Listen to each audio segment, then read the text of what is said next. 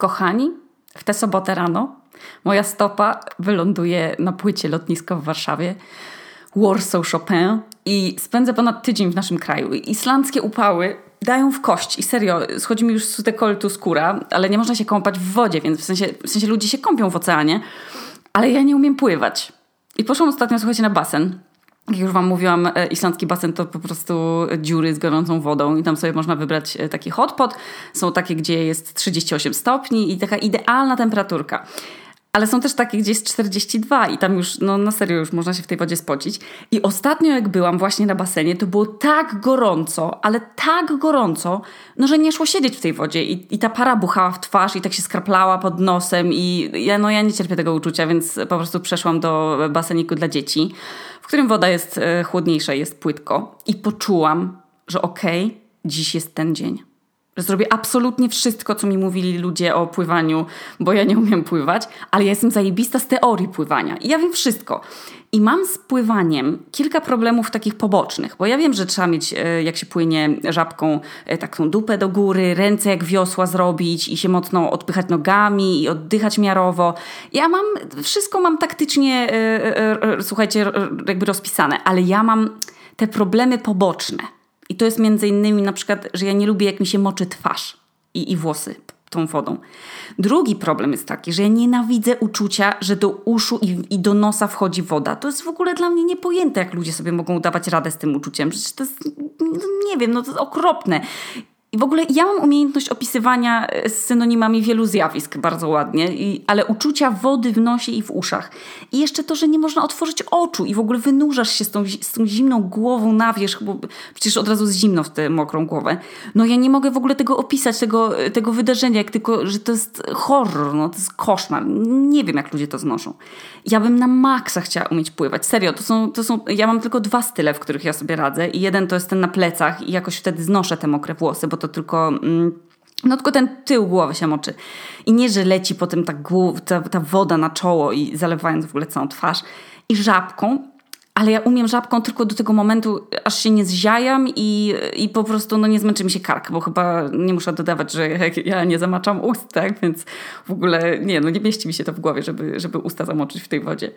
Jest, słuchajcie, taka seksowna scena, nie wiem, z jakiegoś serialu czy z filmu, nie wiem, ale zapadło mi w pamięć, bo tam są dwie rzeczy, które ja uwielbiam. Yy, czyli właśnie oglądanie, jak ktoś pływa w, w basenie, tak wiecie, tak płynnie skakując do tej wody niczym delfin i Magdalena, Magdalena Cielecka. I to, to jest scena, jak Magdalena Cielecka pływa w basenie, także wiecie, pływa pod wodą i robi tak wiele tych basenów i w te i we w te. I teraz się boję, że, e, że ta scena nie istnieje i że to jest tylko moja fantazja. Ale to jest właśnie moje marzenie od zawsze. Właśnie pływać jak Magdalena Cielecka i być Magdaleną Cielecką jeden dzień. A więc pływanie to jest pierwsza rzecz, którą wam dzisiaj chciałam powiedzieć, że ja jej nie rozumiem. Ale e, po pierwsze, jeśli nie rozumiecie, jak to jest, no że ja tak bardzo chciałabym pływać, ale jednak no, to jest tyle rzeczy, które są dla mnie w pływaniu nie do przejścia, no, że ja tego też nie rozumiem, no. Ale pływanie w basenie okej, okay, nie, nie? Ja zazdroszczę. Z podziwem w ogóle oglądam ludzi, którzy pływają i imponuje mi to. I może kiedyś z zatyczkami do nosa, z tymi okularkami, z zatyczkami do uszu i w tym czepku i przemogę się i wtedy tak seksownie wskoczę do wody jak delfin jak Magdalena Cielecka i będę pływać taką gracją jak ona, tylko ja będę wyglądała jak jakiś po prostu potwór w tym e, osprzęcie. Ale kochani, ja nie rozumiem, kim są ci ludzie, co nurkują bez butli. Jezus Maria, ja nie wiem, ile rzeczy na świecie mnie przeraża bardziej niż utonięcie, a ci ludzie, co nurkują po jaskiniach bez butli, to jest w ogóle już, to jest przesada, no. Ja pierdolę, to jest jakiś kosmos. Amadeusz mi kiedyś włączył wideo na YouTubie, a Amadeusz w ogóle nie ogląda na YouTubie takiego gówna jak ja, tylko on ogląda, wiecie, on, no on ma nudnego YouTube'a. Albo jakieś tam rzeczy o medytacji, y, jakieś same TEDy, y, jakieś historie o, o wpływie, nie wiem, substancji różnych na mózg, y, National Geographic i, no, i on mi tam pokazywał właśnie ludzi, którzy nurkują głębinowo bez butli.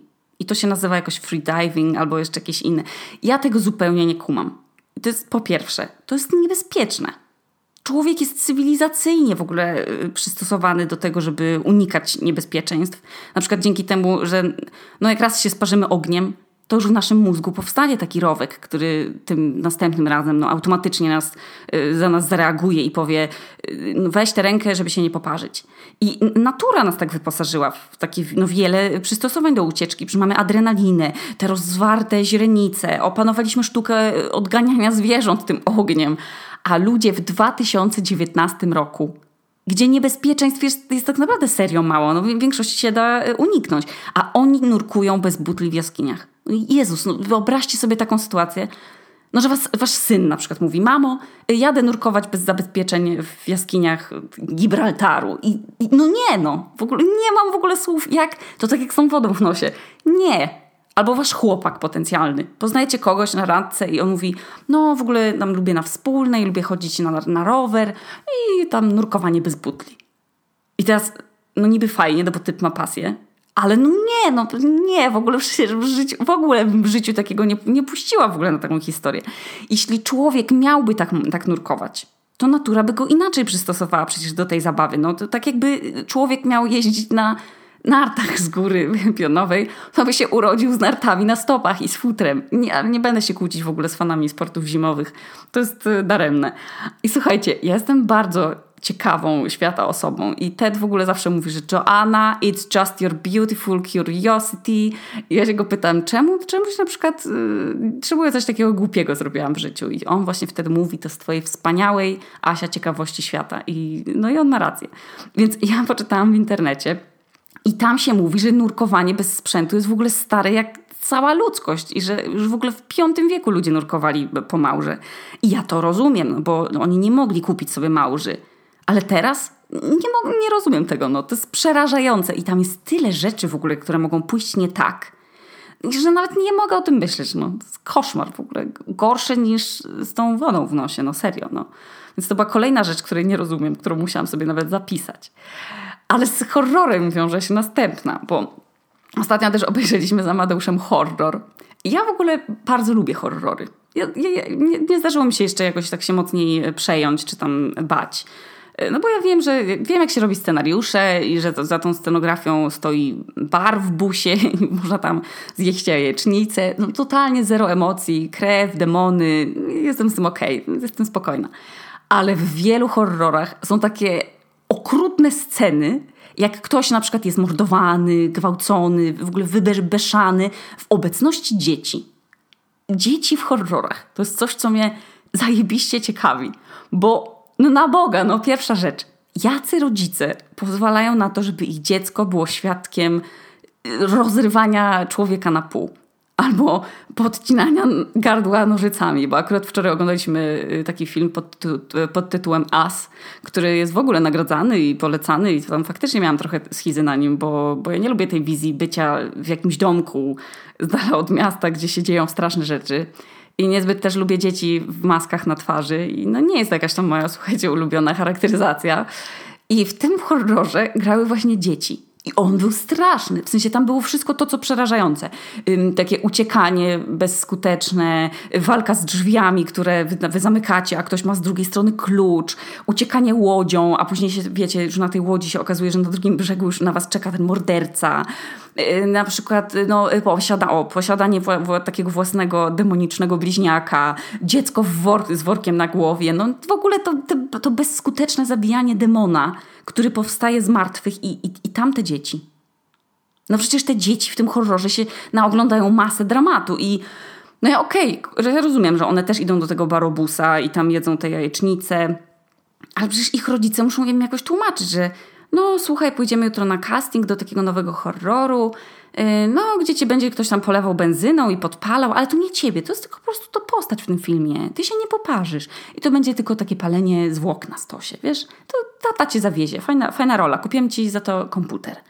I to brzmi w ogóle jakoś gorzej niż wykorzystywanie swojego dziecka do reklamowania jakichś rzeczy na Instagramie. Sprzedawanie dziecka do horroru to brzmi w ogóle jak jakaś straszna y, praktyka. No. I czy ktoś z Was w ogóle pracował kiedyś przy horrorze i castingował na przykład dzieci? Jak się to robi? Czy są bazy dzieci z takimi kategoriami, na przykład dziecko do horrorów? Takie dzieci, które tak przerażająco wyglądają? Kto, ba, kto w ogóle dba o zdrowie psychiczne tych, tych małych aktorów? Ja nie wiem. Albo jak się tłumaczy dziecku, że teraz nie wiem, z brzucha jego filmowej mamy wypadną flaki. Nie, no nie rozumiem tego. Bardzo proszę o informację zwrotną, jeśli ktoś z Was to rozumie. Jak castingowane są te dzieci? Co im się mówi? Czemu w ogóle to nikt się nie interesuje, w ogóle żaden urząd do ochrony dzieci? Nikt się nie interesuje tymi dziećmi, czemu rodzice je tam posyłają? A może one w ogóle nie chcą w tych horrorach grać? Nie wiem. Bardzo proszę tutaj o Wasze wsparcie.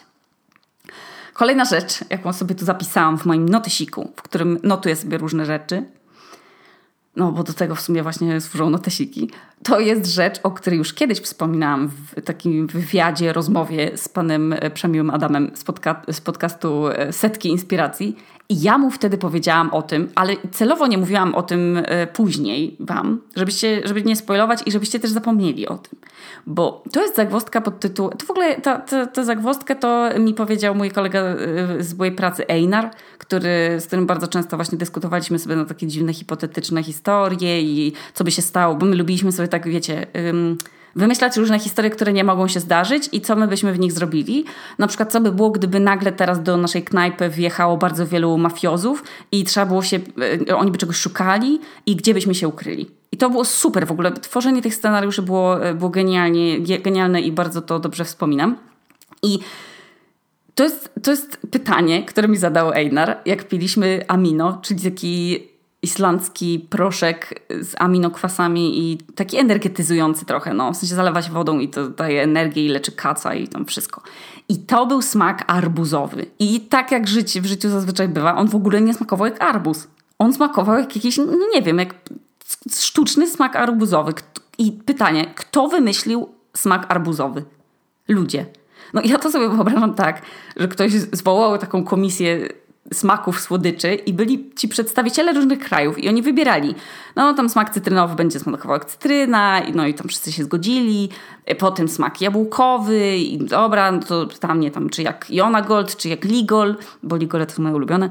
I powiedzieli mm, jak Green Delicious. I okej, okay, nie? I wtem już było bardzo późno i wszyscy byli już totalnie zmęczeni, już wybrali smak kiwi, i truskawkowy, i bananowy i wszystkie one smakowały już tak jak pachniały te owoce. I ten nos i te chrupki smakowe weszły w duet i wszystko już spoko i na koniec zostały dwa smaki. I prowadzący komisję wtedy, nie wiem, powiedział, że kurwa, słuchajcie, został arbuzowy. I zapadła cisza i nikt w ogóle nie wiedział, co z nim zrobić, bo na producenci żelków i cukierków i tych napojów sztucznych i tego amino przecież przygotowali swoje próbki i żaden z nich nie smakował jak arbuz. Żadna z tych próbek. I oni powiedzieli, dobra, no to tam zmieszajmy z tym, tam trochę wody i no, tam testujemy. Już wszyscy chcieli do domu. I tak powstał chyba smak arbuzowy, bo on w ogóle nie leżał koło arbuza. I przecież arbuzowe rzeczy, jeżeli nie da się zrobić smaku arbuza, to po prostu nie powinno być rzeczy o smaku arbuza. To nie powinno istnieć. Nie można ludziom czegoś tam sprzedawać, co w ogóle odbiega od rzeczywistości. Normalnie za to ludzie w Ameryce sądzą z innymi, no. ale, ale z jakiegoś powodu ludzie przegłosowali ten smak arbuzowy i on smakuje jak, nie wiem, to nie jest arbuz.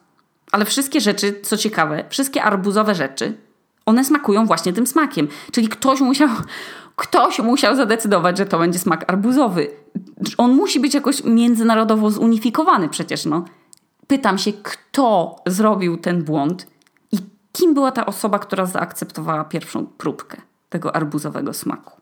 Jak byłam mała i kupowałam owocowe cukierki landrynki, to tam była, nie wiem czy to pamiętacie, one były w takich małych plastikowych opakowaniach i tam była, słuchajcie, zawsze taka rozczarowująca biała landrynka i nikt jej nie chciał jeść w ogóle i ona zawsze zostawała na koniec i ona była migdałowa. I jestem pewna, że w ogóle to jest ten sam geniusz, co, co właśnie postanowił dołożyć tę białą landrynkę do opakowania owocowych kurwa cukierków. To jest ta sama osoba, co miała styczność z tym z zatwierdzaniem smaku arbuzowego. Nie ma w ogóle o czym mówić. Żenujące to jest. I powiem Wam szczerze, że, że niektóre rzeczy, których ja nie rozumiem, one się, one się wyjaśniają jakimś zupełnym przypadkiem. I o, ostatnio, jako że nadal trzymam się moich y, limitów social media, czyli czym też w ogóle zaraziłam Teda i on sobie też założył te limity na telefonie. I ja w końcu znalazłam czas, żeby tak bardzo dużo czytać książek. No więc kupuję sobie na Kindle i tam się wymieniam. I czytałam różne ostatnio. Skończyłam y, o tym, jak uratować świat, i o jedzeniu, i o chorobach różnych. I... A, i słuchajcie, o tym, jak powstaje człowiek. I to jest niesamowita krótka książka jakiejś norweżki, która się składa z e, opowieści o embriologii i ona jest napisana tak, jakby to był jakiś, nie wiem, thriller. I, i tam znalazłam odpowiedź na pytanie, które stawiałam sobie już od kilku lat. I, i po co nam jest to takie coś pod nosem? Te, takie wgłębionko. Ja myślałam, że może na gile, ale nie, bo to nie jest wgłębionko takie, żeby też leciał po nim katar, no bo to by było bez sensu, no bo przecież ten katar by leciał do ust. Nie ma takiej rynny, która by z tego dołka odprowadzała dookoła ust. I szukałam innych zastosowań tego dołka i, nie mogłam tego znaleźć. I słuchajcie, wtem leżąc na kocu w ogródku, się dowiedziałam, że, że to jest wynik y, rozchodzenia się rzeczy na twarzy, po, po, twarzy. W sensie one w życiu płodowym, w sensie te rzeczy z twarzy, takie jak oczy, nos, one wyglądają przecież zupełnie inaczej, bo my mamy wtedy tam oczy po dwóch stronach głowy, nos jest płaski jak u płaza, usta też jakieś rozlazłe i w pewnym momencie ta twarz się zaczyna schodzić do środka i oczy się przesuwają do środka, żebyśmy patrzyli do, do przodu i robi się taki nos z chrząstką i usta się tak zwężają do środka i pod nosem tego, tego sklepienia się, skupienia się tworzy dołek. I on się staje płytszy bardziej albo mniej pod wpływem y, właśnie tych ruchów ust, płodu. Niesamowite. W ogóle tej książce jest bardzo dużo. No, jest sporo ciekawostek, o których nie wiedziałam. I na przykład takich, że, że w organizmie naszych matek są nadal elementy naszego DNA. Bo w płucach na przykład, a czasem nawet i w sercu. Serio. One sobie pływają we krwi, te, te komórki macierzyste płodu i tam, gdzie chcą się wbudować, tam się wbudują. Niesamowite. Natura nawet takie coś wymyśliła, a nadal sobie nie, pora- nie poradziła na przykład z dużym palcem u nogi, że on ma włosy. Nie wiem czemu. Ale coś, co jeszcze natura wymyśliła i to jest zupełnie bezużyteczna rzecz, której nie rozumiem, to są rybiki cukrowe. I na bank w ogóle znacie to gówno. To są te małe, srebrne, takie, co latają e, na podłodze w łazience w nocy, jak się zapala światło. I jak się zapala światło, to one zastygają. Zupełnie jak zabawki w tej Story. Obrzydliwe. W ogóle ta ich różnorodność i to, że one się tak szybko rozmnażają i są takie wytrwałe, że one w ogóle mogą w tych złych warunkach dla nich utrzymywać się w takim stanie hibernacji przez kilka lat. To jest w ogóle niepojęte. Czemu, czemu człowiek nie opanował takiej umiejętności? A rybiki tak. I w ogóle najgorsze jest to, że, że z nimi jest dokładnie to samo, co, co, co z tymi horrorami, że ich się nie da pokonać, że jak już jest jeden rybik na podłodze, to znaczy, że w rurach albo gdzieś w szczelinie, tam między kafelkami, one sobie zrobiły całą w ogóle y, populację, całą galaktykę tą rybikową. I ja szukałam w internecie, jak się ich pozbyć i nigdzie nie ma żadnego środka na nie, bo one teoretycznie no, nikomu nie, nie przeszkadzają i nic nie przenoszą, nie gryzą, no nic. No. Ale brakuje mi w tej łazienkowej rzeczywistości takiej właśnie opcji blokowania, jak na Instagramie, żeby można było te rybiki zablokować i one po prostu by się nigdzie nie, nie pokazywały i po prostu nie zasługują na przykład na to, żeby w mojej łazience się znajdować. Bardzo sobie życzę jakiegoś rozwiązania mojego problemu, również jeżeli wiecie, co zrobić z rybikami. Ja już w internecie czyka, czytałam, nie będę kładła miodu na podłodze w łazience, bo tu też... Nie, nie chcę. Co tu mam jeszcze? A, ostatnia rzecz z mojej listy rzeczy, których obecnie nie rozumiem w wieku 26 lat to jest coś, czego ja naprawdę nie jestem w stanie objąć rozumem i to, to już się za mną ciągnie kilka lat. To, to się wiąże z internetem. Poczekajcie, muszę ziewnąć. Dobra. Tak, z internetem. E, więc nie wiem, czy pamiętacie, jak w moim e, odcinku o partii politycznej Zima, którą powinnam na serio założyć, to w jej założeniach była taka reglamentacja komentarzy w internecie. I mi to przyszło do głowy po wielu sytuacjach, w których w ogóle mój mózg no, po przeczytaniu komentarzy na stronie gazeta.pl. I wychodzę sobie czasem na różne media, na bardzo różne strony, w zależności od tego, co, co chcę danego dnia przeczytać, ale głównie korzystam z gazety. I uważam Was za e, ludzi inteligentnych i też takich, którzy rozumieją, że, że po pierwsze każdy sobie może czytać co chce, a po drugie, że tak naprawdę żadne źródło informacji w dzisiejszych czasach nie jest wolne od od ludzkich poglądów i w ogóle, że wszystko i wszędzie, gdzie my czytamy, to jest po prostu bańką informacyjną. I że są fake newsy i wszyscy to wiemy. Za wszystkim w ogóle stoi przecież Soros. Ale bez żartów. Niezależnie od tego, czy artykuł jest o psie przywiązanym do drzewa, o lawinie lodowcowej, o jakimś deserze z polskich truskawek, czy o osiągnięciu jakichś, nie wiem, polskich naukowców, to zawsze, zawsze pod artykułem są komentarze takie, że mój mózg zaczyna pulsować i ja zazwyczaj mam, słuchajcie, sporo do powiedzenia, ale ja wtedy milknę. I ja w ogóle nie wiem, jak zareagować. Tam są takie rzeczy, że ja, ja, ja no nie wiem, ja zachodzę w głowę, jak ktoś mógł na coś takiego wpaść i to napisać. I serio, ja jestem kreatywna i ja o tym wiem. Mam akurat tego świadomość, ale ja w życiu bym nie umiała połączyć polityki z takimi rzeczami, jakie łączą z polityką ludzie piszący te komentarze. To jest, to jest chore.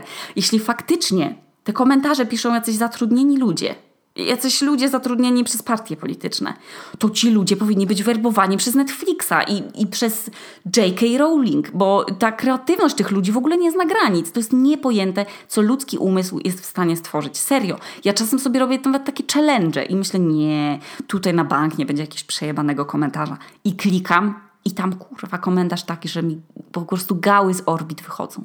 I podam wam przykład. Kliknęłam dzisiaj sobie w różne artykuły Przeczytam wam takie przykładziki tych kreatywnych. Oni powinni mieć w ogóle portfolio swoje gdzieś, bo ja bym ich chętnie zatrudniała. Ale jednocześnie jestem ciekawa, kto za tym stoi, jak ta osoba wygląda, czym się zajmuje i kim był jako dziecko, na przykład z, z czym jest zupę pomidorową. Ale jednocześnie ja się tych ludzi boję, bo ci ludzie dołączają jednocześnie do tych strasznych rzeczy z początku podcastu, że oni, oni powinni być jedną z tych rzeczy w horrorach. No. Czytam, mam tutaj. Artykuł nazywa się Nowa ulga podatkowa za patriotyzm dla twórców gier. Ustawa ma wejść w życie w 2000, 2020 roku. Uwaga, komentarz. A co z ogórkami oznaczonymi flagą? A ziemniaki to co gorsze? Broszka i przyjaciele dostaną ulgę za noszenie flagi w klapie marynarki, za noszenie majtek z orłem z przodu i większa ulga niż za noszenie majtek z orłem na dupie. Dowód: zdjęcie majtek na podatniku trzeba będzie przesłać do urzędu skarbowego. I pytanie teraz moje, o chuj chodzi? Skąd, skąd tam ogórki? Czemu ogórki z flagą? O co kaman w ogóle? Jeszcze mogę się domyślić, że broszka to może chodzi o szydło, bo ona nosi te broszki. No i dobra, no czyli szydło i przyjaciele dostaną ulgę za noszenie flagi w, kapie, w klapie marynarki. Ale co z ziemniak? Skąd te ziemniaki? A te ogórki w ogóle oznacza... Serio, trzeba być zajebiście biegłym w ogóle w odczytywaniu tych metafor. Kto, kim, o co to kaman w ogóle? Ja nie będę dalej szukać, bo wy wiecie o co mi chodzi. Nie mogę tego zrozumieć w ogóle. Kim są ci ludzie? Kto im za to płaci? Ja bym ich chętnie płaciła za, za kreatywną robotę, bo serio nie wiem, kto mógłby być aż tak kreatywny, żeby takie rzeczy pisać. No i tyle z moich dzisiejszych przemyśleń, drogi pamiętniczku. Bardzo się cieszę, że lecę do Polski, bo Polska jest wspaniała, jak się tak do niej na chwilkę tylko leci i można iść do knajpy, coś zjeść nowego, co kosztuje tyle co chleb u nas w sklepie tu. Można się spotkać z przyjaciółmi, można posiedzieć z dziadkiem na balkonie i to naprawdę jest taki luksus psychiczny. Zamierzam uprawiać dużo mindfulnessu w tej podróży. I podcasty się pojawią, nie musicie się bać. Ja już sobie robię na zapasik, żeby się nikt nie czuł poszkodowany. Ani wielbiciele idiotek, ani w ogóle tego mojego werbalnego pamiętnika. I z ogłoszeń też jeszcze mogę ogłosić, że słuchajcie, się strasznie śmiałam, że Gonciarz nie zaprosił mnie na swój nowy Gonkon, czyli taki zjazd y, fanów chyba w połączeniu z imprezą i różną sztuką. I w ogóle się mu nie dziwię, bo ja też bym nie zaprosiła osoby, o której istnieniu nie mam pojęcia, ale bardzo mnie rozbawił żart, że zorganizuje własną imprezę i że to będzie piwniczkon. Więc uznałam, że o tym napiszę na fanpage'u, bo to jest po prostu bardzo śmieszne słowo. I słuchajcie, i oni mnie po kilku, po kilku godzinach mnie zaprosili. I bardzo to jest śmieszna sytuacja i ja dziękuję bardzo za zaproszenie, więc zjawię się. I będzie to unikalna okazja, żeby zamienić ze mną jakieś dobre słowo. I ogólnie bardzo, bardzo mi trudno jest rozmawiać z obcymi ludźmi, ale wy jakoś tak mniej się wydajecie obcy, więc chyba będzie ok. I może, nie wiem, nie będę musiała brać legów uspokajających. Kto wie, nie wiem. Więc y, kto będzie na tym gonkonie, y, na tym evencie, w sensie to super i możemy się poznać. A kogo nie będzie, to się spotkamy na tym piwniczkonie, który będzie dopasowany idealnie do introwertyków, więc spotkamy się online. Nie, nie, nie zabraknie, słuchajcie, atrakcji, będą różne artystyczne performensy, może Aneta coś upiecze, może będzie teleturniej, słuchajcie. No to jeszcze to jest taka rzecz, której jeszcze świat nie widział. No. Nie wiem kiedy, bo w ogóle jeszcze tego nie wymyśliłam, ale bardzo mnie bawi, że naprawdę to zorganizuję i, i to w dodatku online, gdzie każdy wejdzie i wyjdzie wtedy, kiedy już ja będę chciała być w domu sama. Także to jest doskonałe. I ja mam nadzieję, że to będzie w ogóle, to, to będzie prototyp imprezy, którą później będziemy cyklicznie y, organizować. Także do zobaczenia 5 października i kiedyś y, tam na tym Gonkonie i kiedyś na Piwniczkonie też. Ściskam Was y, i żegnam. To Okuniewska z Piwniczki w Reykjaviku, a to był drugi odcinek o tym, czego nie rozumiem.